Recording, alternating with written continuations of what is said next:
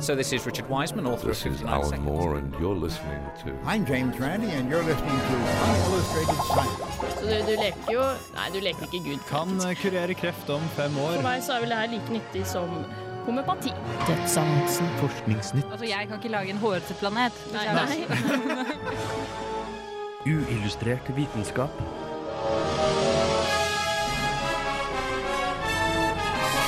Science, it works, bitches.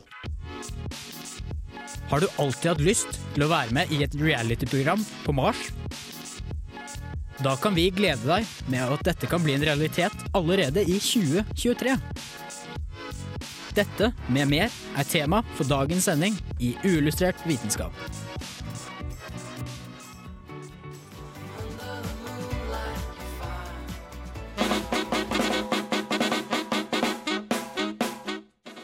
Can wire anything directly into anything. I'm the professor.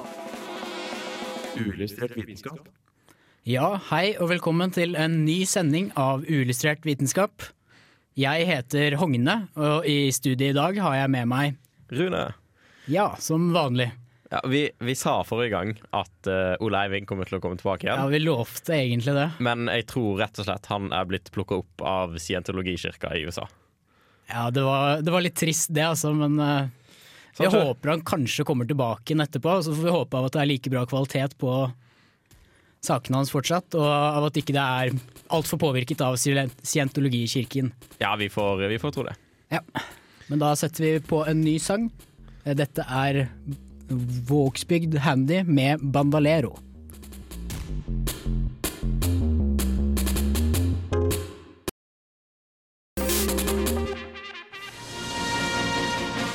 Uillustrert vitenskap presenterer Forskningsnytt.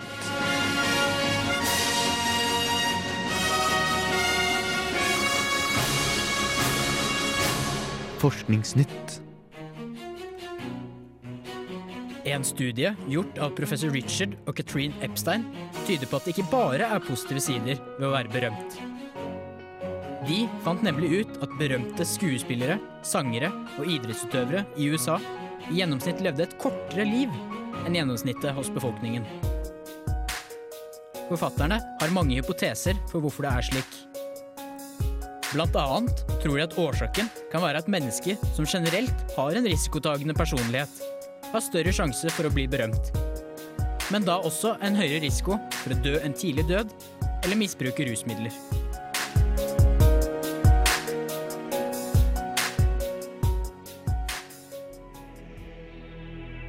Astronomer ved California Institute of Technology har oppdaget en ny galakse som produserer 2900 stjerner i året. Dette er 2000 ganger flere enn vår egen galakse Melkeveien. Men det interessante med denne galaksen er at den ble dannet kun 880 millioner år etter Big Bang. Dette bryter med dagens teorier om galaksedannelse, ettersom man ikke trodde det eksisterte så intense galakser så kort tid etter Big Bang.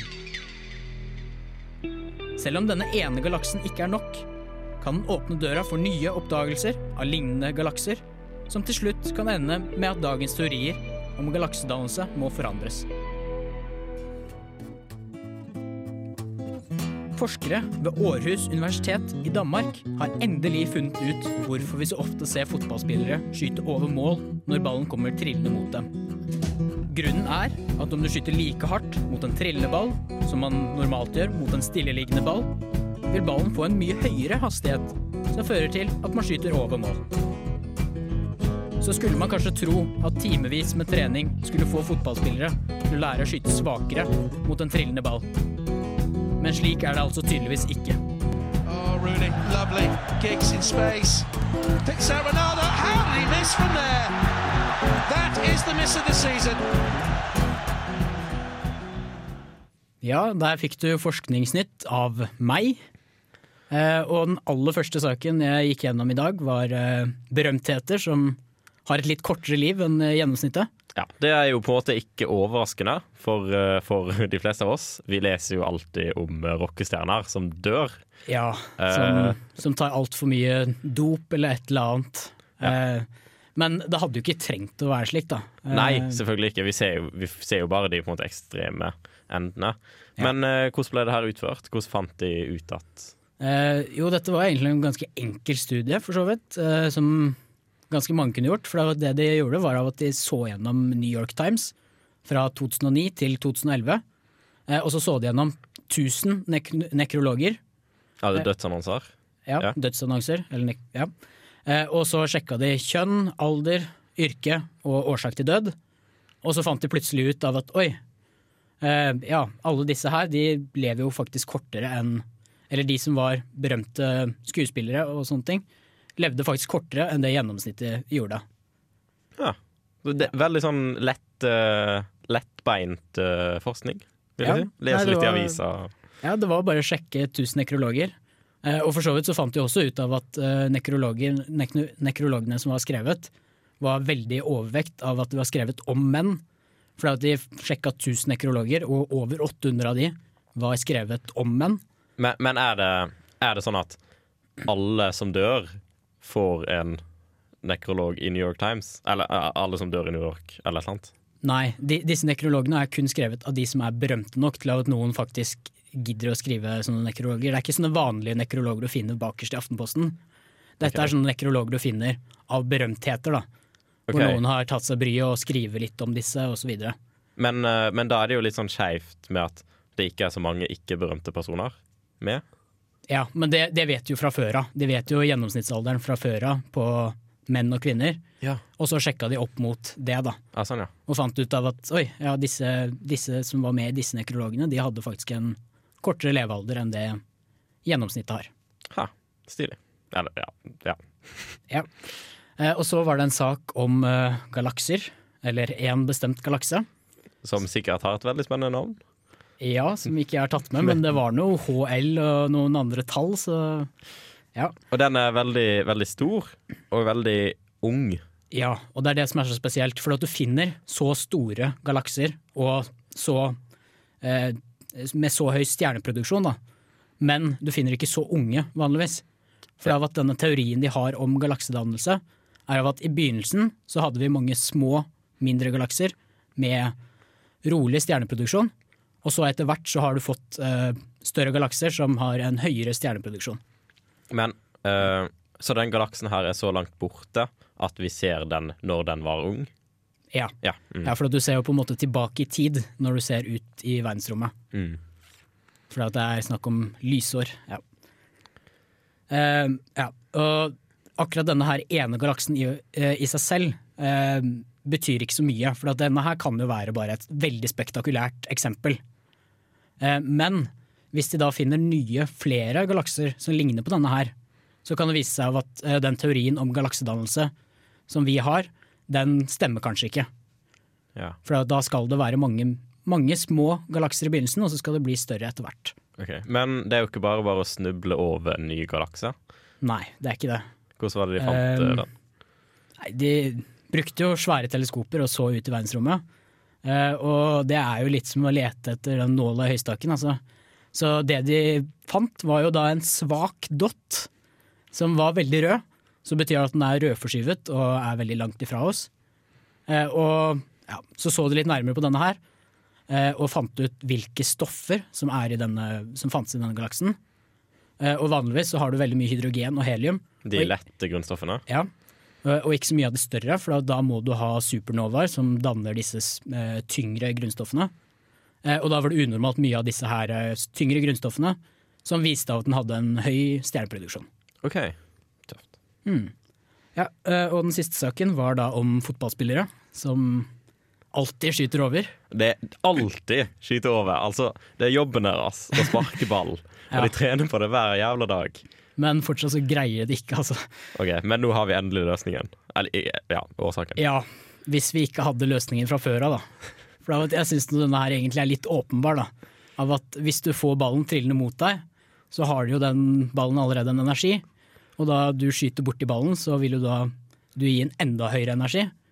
Eh, og da legger man jo sammen disse her energiene, og da får man jo en høyere, høyere hastighet enn hvis du hadde hatt den stillestående og du kun hadde telt med energien fra beinet ditt. Ok, Så det, det er fordi folk skyter over fordi de, regn, de skyter som om ballen lå i ro. Ja, Sånn. det, det er på en måte det du er vant til. Så med en gang du får en trillende ball mot deg, så blir det uvant at du får en. Det, og hvis du skal skyte likeart som du vanligvis gjør, så pælmer du den over. Ok, Men da kommer jo det store spørsmålet. Hva hvis ballen kommer trillende bakfra? Ja, de testa dette her også. Og ja, det var egentlig ikke så overraskende av at hvis den kommer trillende bakfra, og du skyter borti ballen, så vil ikke du klare å få like mye energi på ballen. Og du vil få et da svakere skudd, og du vil skyte færre ganger over, da. Så de, de med en sånn litt grunnleggende kunnskap om fysikk ville forstått dette her, da, men eh, det, er- det er greit å få det testa ut og bekrefta av forskere. Ja, fordi det er en sånn ting med uh, åpenbar forskning. Det dukker opp hele tida. Ja. Det er sånn Nyere forskning viser at uh, uh, unger av alkoholmisbrukere blir oftere alkoholmisbrukere enn andre unger. Ja, Og og de som prater med telefon i bilen, de kommer i flere ulykker enn de som ikke gjør det. Men det er en grunn til at folk forsker på sånne åpenbare ting.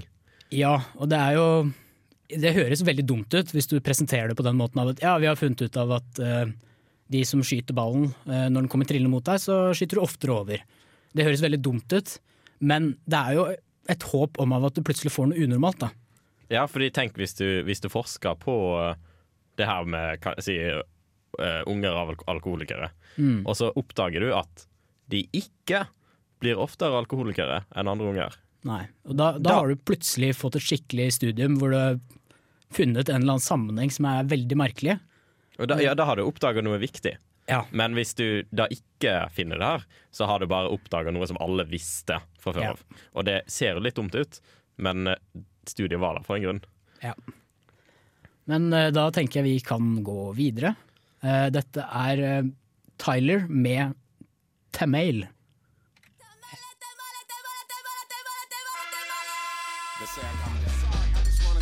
Clean that shit up. We're going to the office. Uillustrert vitenskaps fun fact-skole. Vær midtpunktet på neste vorspiel.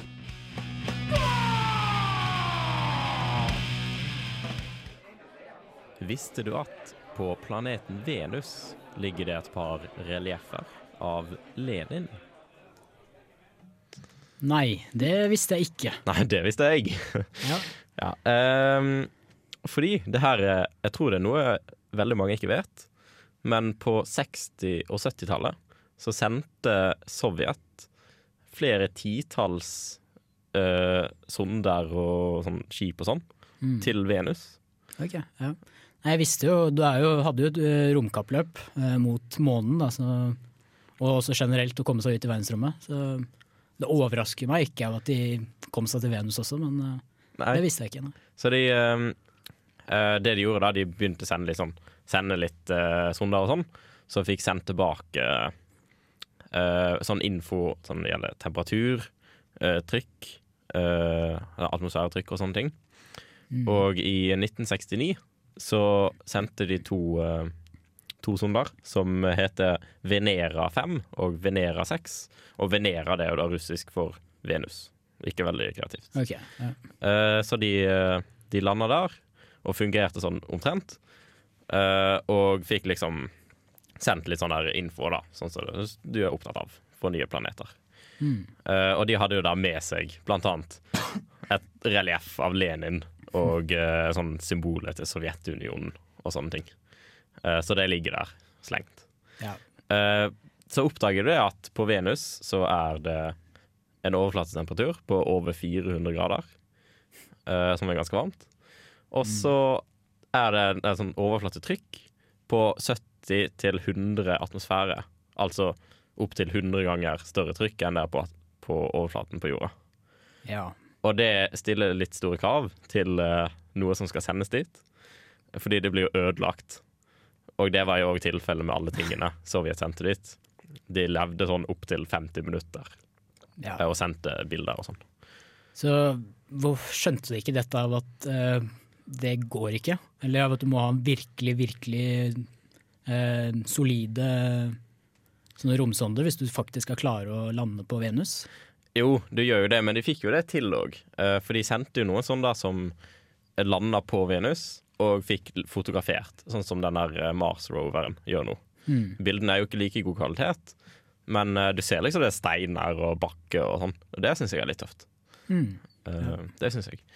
Og så er det jo Siden da og fram til nå så er det jo sendt masse sonder forbi og til Venus og sånne ting, så vi har jo gode bilder av overflaten. Uh, og det er liksom Det visste jeg ikke før nå nylig. Nei. Så det er litt tøft. Nei, Jeg har egentlig aldri skjønt hvorfor trengte det egentlig å ha en romsonde på Venus. Det, det er jo kjempestilig. Det er ser- kjempestilig, men, og det er sikkert veldig stor prestisje også å vise at vi klarer dette her. Så pass dere i den kalde krigen, for at vi er sterkere enn dere. Ja, Men uh, fortsatt, det, det er ikke veldig nyttig. Det er ikke veldig nyttig. uh, men uh, det, ja, det er sånn som ting er. Du gjør det fordi det er tøft. Hmm. Eller kan være nyttig, som det òg heter.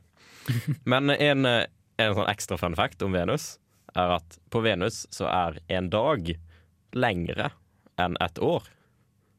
Ja. Fordi en dag er jo tida det tar for planeten å rotere rundt sin egen akse. Og et år er tida det tar å rotere rundt sola. Ja. Så hvis vi da bruker jorddager, så er det da et døgn på Venus 243 jorddøgn, mens et år på Venus er 225 jorddøgn. Mm. Så det, det syns jeg var litt tøft. Det fordi Ja. vi tenker jo på døgn og Ja, du, vi år tenker på dag og år litt annerledes enn det det faktisk er. Det er jo bare farten eh, jorda har rundt eh, sola, og hvor fort den roterer rundt sin egen akse. Så Ja. Så er det jo det, Jeg sa jo i sted det er 400 grader celsius på overflaten. Pluss, pluss. Um, og det er ganske mye, fordi Venus er den planeten i solsystemet med høyest overflatetemperatur. Selv om Merkur har bare sånn halvparten av avstanden fra sola som Venus har. Men eh, hvorfor er det så varmt på Venus, og ikke så varmt på Merkur?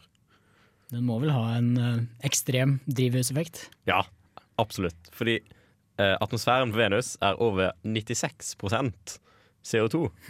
Og eh, er det noe vi har lært uh, i nyere tid, så er det at CO2 er en jævel på drivhuseffekt. Mm. Uh, så det ser vi jo fra Venus òg. Så hvis uh, vi fortsetter å forurense, så blir jorda snart seende ut som Venus. Ja, nå skal vi kanskje ikke trekke for store konklusjoner, men det kan jo alltids hende. Mm. Ja, det, da skal vi videre. Først så får vi Foo Fighters med 'Learn to Fly'.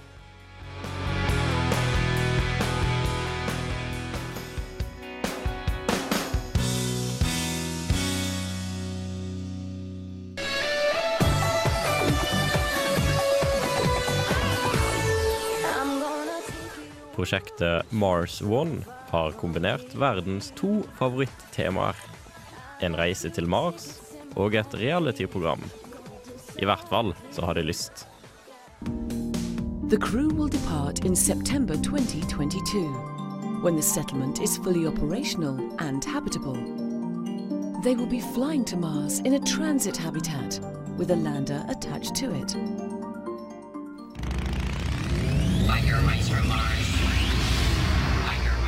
Jeg tror det er ganske lett å være enig med tidligere nobelprisvinner Gerard Hoots førsteinntrykk om prosjektet. But my first reaction was, I think like anyone who would be confronted with such an idea, this will never work.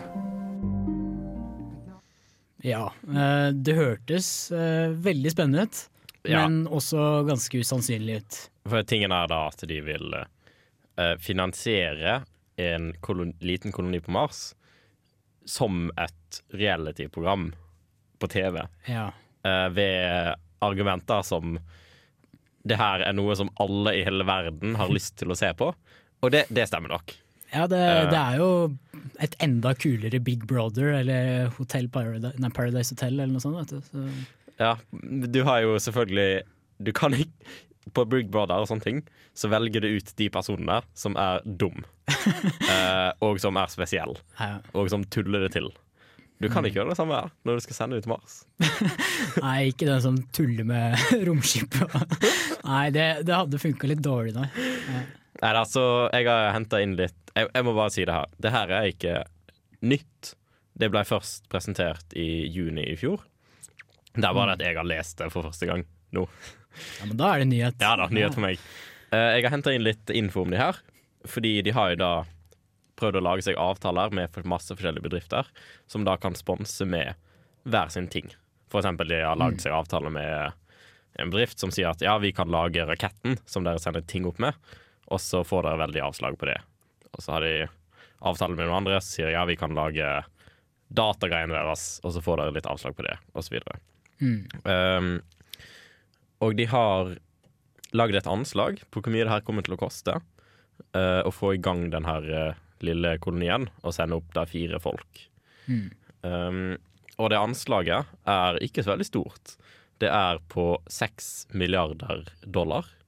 Og det er et overskuelig beløp. Det er veldig lite. Det, det er ganske lett for Norge, faktisk. Hvis de virkelig hadde lyst til dette her, så er vel det oljefondet på over 3000 milliarder kroner.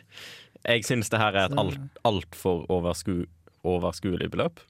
Ja. Det må jo være for lavt. Eh, men uh, du vet aldri. Fordi tingen da at det her skal være en sånn enveisbillett til Mars. Du kommer ikke tilbake igjen. Nei. Da, da slipper du å betale litt. Ja, ja det, det er bare ikke tur-retur, nei. Ja. Ja, det er bare én vei. Um, den første delen av, uh, av planen deres er å sende to og et halvt tonn mat til Mars i 2016. Og det er snart. Ja. Um, jeg er skeptisk og sier nei. Jeg tror ikke det. Uh, men vi vet jo aldri. Så, så grunnen til at jeg leste om det her nå nylig, er at nå i vår så skal de ta imot uh, videoer av folk som vil være med. Uh, da fungerer det sånn at du lager en fem minutter video om deg sjøl, og sier hvorfor du bør reise til Mars, og så sender du den inn til de. Og det koster da 25 dollar. Uh, og de sier da de regner med å få inn flere millioner videoer og tjene inn en god del penger på det. Er det virkelig så mange som hater jorda så mye at de bare vil forlate jorda? Det er nok en del. Eh, og de, de, til nå så har de fått inn 40 000 videoer. Oi, Eh, det er jo en del. Mm. Eh, det er det. Eh, Men eh, det er ganske langt unna fortsatt.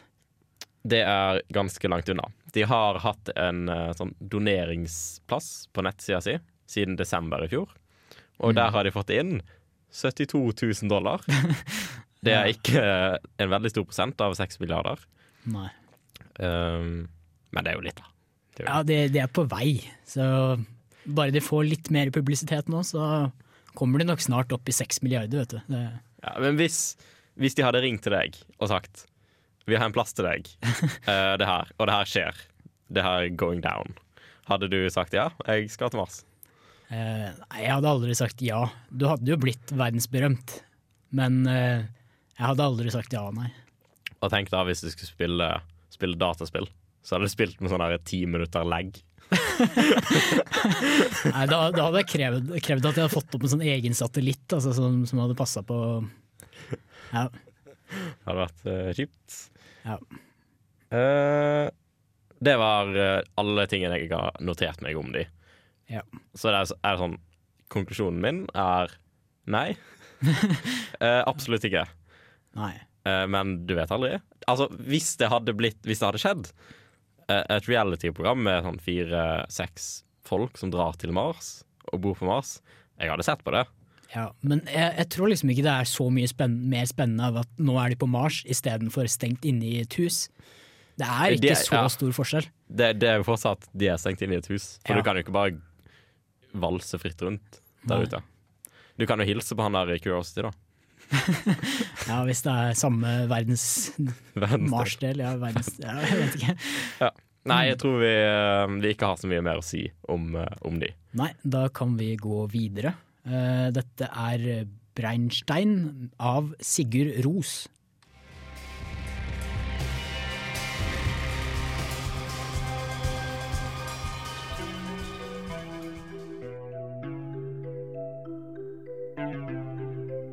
Når man skal kjøpe joggesko, er det ikke lenger bare å finne sko med riktig skostørrelse.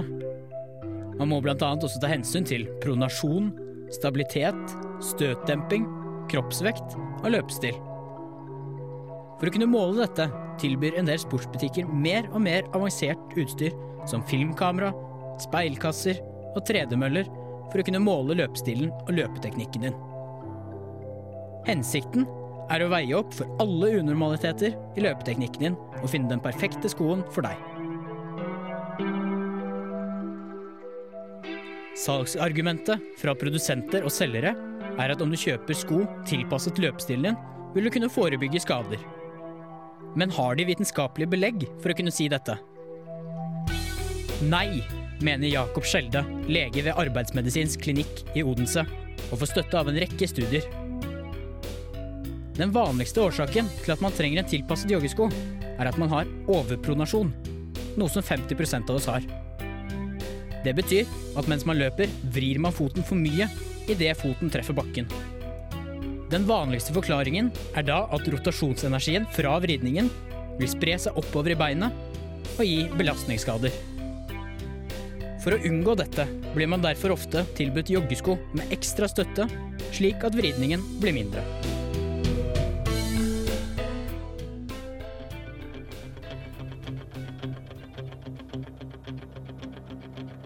Men det er dette sjelde, og mange studier mener er feil.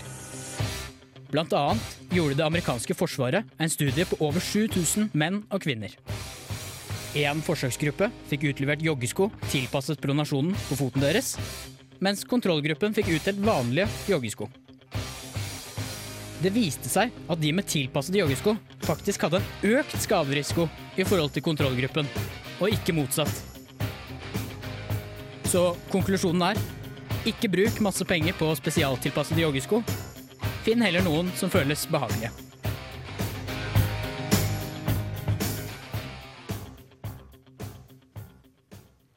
Ja, der fikk du en reportasje om joggesko. En litt kritisk reportasje om Ja, joggesko? en eh, ganske kritisk reportasje til joggesko. For det at jeg, jeg har sett litt på dette her vitenskapelige bak, da. For det er at eh, det er egentlig ganske dårlig belegg de har for å kunne si eh, det de sier, da. Ja, fordi det greia er at øh, øh, sånn øh, joggesko Ja, jeg leter etter ord som jeg ikke finner. Men de sier i hvert fall at du må ha spesialtilpassa joggesko for at du ikke skader foten når du løper. Ja. Og det som skader foten, er og, Hva var det du kalte det? Det er den pronasjonen, pronasjonen. Ja. Om du har under- eller overpronasjon. Og, ja. og det nevnte jeg jo for så vidt. Det, var, det er vridningen, vridningen i beinet, da. Så øh, det er jo ganske mange øh, produkter eller produktkategorier som baserer seg på at du betaler veldig mye mer for noe som er litt bedre. Mm. Uh, og det her virker som et av de tilfellene. Ja, men det er egentlig ikke det. For det er at uh, her kjøper du noe som er veldig mye dyrere, men du får egentlig noe som er dårligere. For det er at uh, det, det føles litt som av at de har kommet fram til en teori om at uh, her har vi en unormalitet. Det normale er å ha en normal pronasjon, og du har en normal litt vridning på beina, men ikke for mye. Mm. Og da finner du ut av at ja, da skal vi prøve å få det mest mulig nærmest det normale. Eh, og dermed så støtter du opp på beinet med å legge inn ekstra såle eller ekstra støtte på siden, slik av at du ikke vrir beinet like mye. Men uh, den her konklusjonen at eh, de her skoene som var tilpa spesialtilpassa for å hindre den her overpronasjonen eh, Konklusjonen er veldig, kan jeg si, skadelig for, for den De Ja, den- produktene. ja. Eh, hvor, hvor, mange, hvor stort var studiet? Var det sånn at det går an å stole på det? Eh, Det var jo et amerikansk studie på over 7000, var det vel jeg nevnte. Eh, Og i tillegg så er det gjort flere studier. Okay. Så det er ikke bare det ene studiet, det er mange studier som har kommet fram til enten da at det ikke er noen forskjell med å ha veldig dyre spesialtilpassa sko og vanlige sko, eller faktisk litt skadelig å ha spesialtilpassa sko. Yeah. For det hadde vært, eh, kroppen er på en måte ikke vant til å ha plutselig ekstra støtte der, da. Mm. Men det som er øh, Du sier jo på slutten at uh, ikke bruk penger på en spesialtilpasset sko. Uh, finn heller en som passer eller føles behagelig. Ja. Uh, men jeg må jo si det er jo ofte at en Du kan jo tilpasse en sko for at den skal være behagelig. Eh, og passe liksom perfekt. Det går vel an. Eh, ja, det kan jo for så vidt det. Det er jo bare å finne en sko som passe foten din. Mm. Men uh, du skal i hvert fall ikke bry deg om dette her med pronasjonen, da. Okay. For det har ingenting å si. Eh, Du trenger ikke å tilpasse skoen for det, da. Eh, Og det jeg tror er jo at siden hvis du veier opp for alle sånne unormaliteter, da, av at du har en litt unormal høy eller overpronasjon, så tror jeg du ødelegger litt av hvordan kroppen er bygd opp. da. Ja, fordi jeg tenker sånn at å løpe er en veldig naturlig ting av det vi mennesker er. Mm. Uh, vi løper jo hele tida, hvis vi ser bort ifra kanskje de 300 siste år. Ja. Um, så det å løpe burde ikke være farlig for beina dine, Nei. syns jeg. Men så er det jo det at vi har jo forandra på dette veldig, da. For det at før så løper man jo barføtt, eh, og da løper man på en helt annen måte enn det vi gjør med joggesko. For når man løper barfot, så lander man på tærne, mens når man løper med joggesko, så ruller man slik at man lander på hælen, og så ruller man hele foten. Ok, Så hvis du løper barføtt og bruker samme teknikk, nemlig å lande på hælen og rulle foten, Mm. så er det veldig skadelig. Ja, det, og det føles, det føles helt uvant også. Du klarer ikke å lande Eller du- det blir på en måte en veldig uvant bevegelse, siden du eh, Når du løper barbeint, så er du vant til å lande på tærne for å beskytte foten, slik at du ikke, skal, eller ikke treffer for hardt på bakken. Ja. Og det er det skoen gjør, da, at den demper jo dette her eh, trykket mot bakken. Men i tillegg så gjør det jo av at du får en helt annen, annen løpebevegelse enn det som er normalt. Eh, og det kan føre til mer skader. Så hvis du løper barfot, så vil du også få færre skader enn om du løper med joggesko. Men da må du, men da må du løpe korrekt. Ja. Ja. Eh, og du må også bli vant til å løpe barfot. Så hvis du går rett over fra joggesko til barfot og løper veldig hardt i begynnelsen, så vil ikke leggen din være vant til å få så høy belastning. Og, og du vil pådra deg en veldig rask skade, da. Ok, For det finnes jo sko som er på en måte lagd som en barbeint fot, med Mm. tær og greier. Ja. Uh, så det må jo være fint hvis du på en måte går inn for å løpe barbeint, så slipper du å tråkke på glasskår og sånn. Ja, så Eh. det, det, er, det er nok greit, det. Men du må bli vant til det, for da at du løper faktisk på en helt annen måte da enn når du løper eh, med joggesko. Ja. Så konklusjonen? Uh, ja, den konklusjonen har jeg vel egentlig allerede sagt, av at eh, ikke kjøp spesialtilpassa joggesko, men heller kjøp noen som er behagelige og kanskje ikke altfor dyre heller, for det at uh, stort sett så er ikke dyrt bedre når det gjelder joggesko. Ikke verst. Nei. Eh, Da kan vi gå videre, og og vi nærmer oss eh, slutten, dessverre. Eh, Da får du Sticky Situations med Danko Jones. So you got dump on your rump, not surprised you had nothing to say. You don't wanna wait With the proper breeding techniques and a ratio of, say, 10 females to each male, I would guess that they could then work their way back to the present gross national product within, say, 20 years. Uillustrert vitenskap. Ja, da har vi dessverre veldig lite tid igjen her i Illustrert. Ja, vi har vært gjennom eh, det meste av det vi skulle gjennom i dag. Ja, så jeg håper dere har blitt litt mer kunnskapsrike.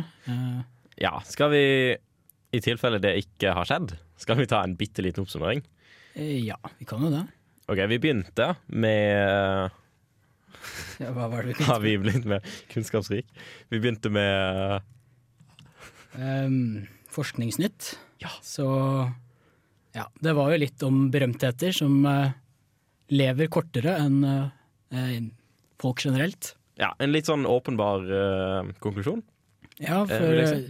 Den er jo ikke så åpenbar, men eh, det er det inntrykket du får fra media. Ja. Når du hører veldig mange berømtheter dør eh, tidlig. Ja. Og så hadde vi eh, en ny galakse Ja, som ny galakse. vi hadde snubla over. Veldig Mm. fint. Veldig stor og veldig ung. Ja, og som kan forandre ja, de, teoriene vi, de teoriene som finnes om galaksedannelse. Ja. Og neste punkt var eh, en veldig åpenbar eh, nyhet. Ja. At eh, fotballspillere skyter ballen over oftere når ballen triller mot dem. Og det er rett og slett fordi de er dårlige til å beregne hastighet. Ja. Og det gjelder jo selv Ronaldo og Messi. Det er rett og slett at når du kommer i en litt presset situasjon Dette har de gjort 10 000 ganger på trening, men når du kommer i en presset situasjon, så gjør du som du er vant til, og da går ballen over. Ja. Kjipt, men sant. Ja.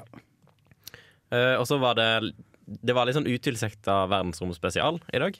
Ja. Uh, vi snakker både om Venus og om Mars. Ja. Uh, først var det de her russerne på Venus. Eller det var ingen russere på Venus, da. Men, eh, Men, ja. de sendte masse skrap dit, kan du si. Eh, Mm. tok bilder og greier. Se på Wikipedia hvis du vil se på bildene deres. Ja. Og Mars, dit skal det folk. Kanskje. Kanskje, ja. Kanskje ikke.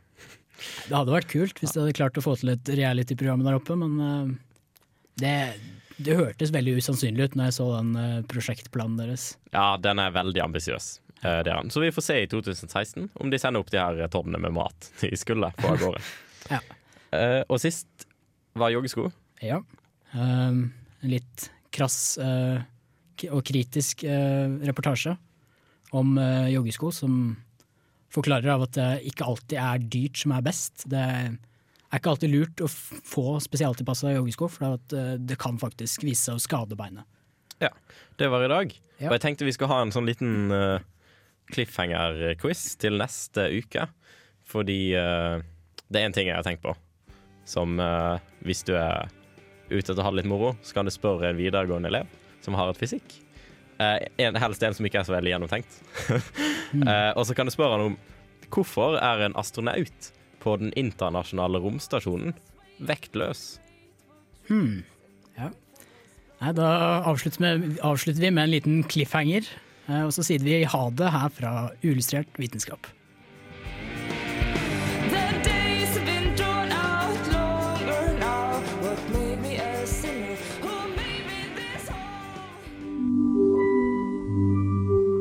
Uillustrert vitenskap er Midt-Norges eneste teknologimagasin på lokalradio. Og vi snakker om alt fra populærvitenskap til sære forskningsprosjekt ved NTNU. Radio Revolt, studentradioen i Trondheim, er stolt av å kunne presentere podkaster fra de aller mest populære programmene våre.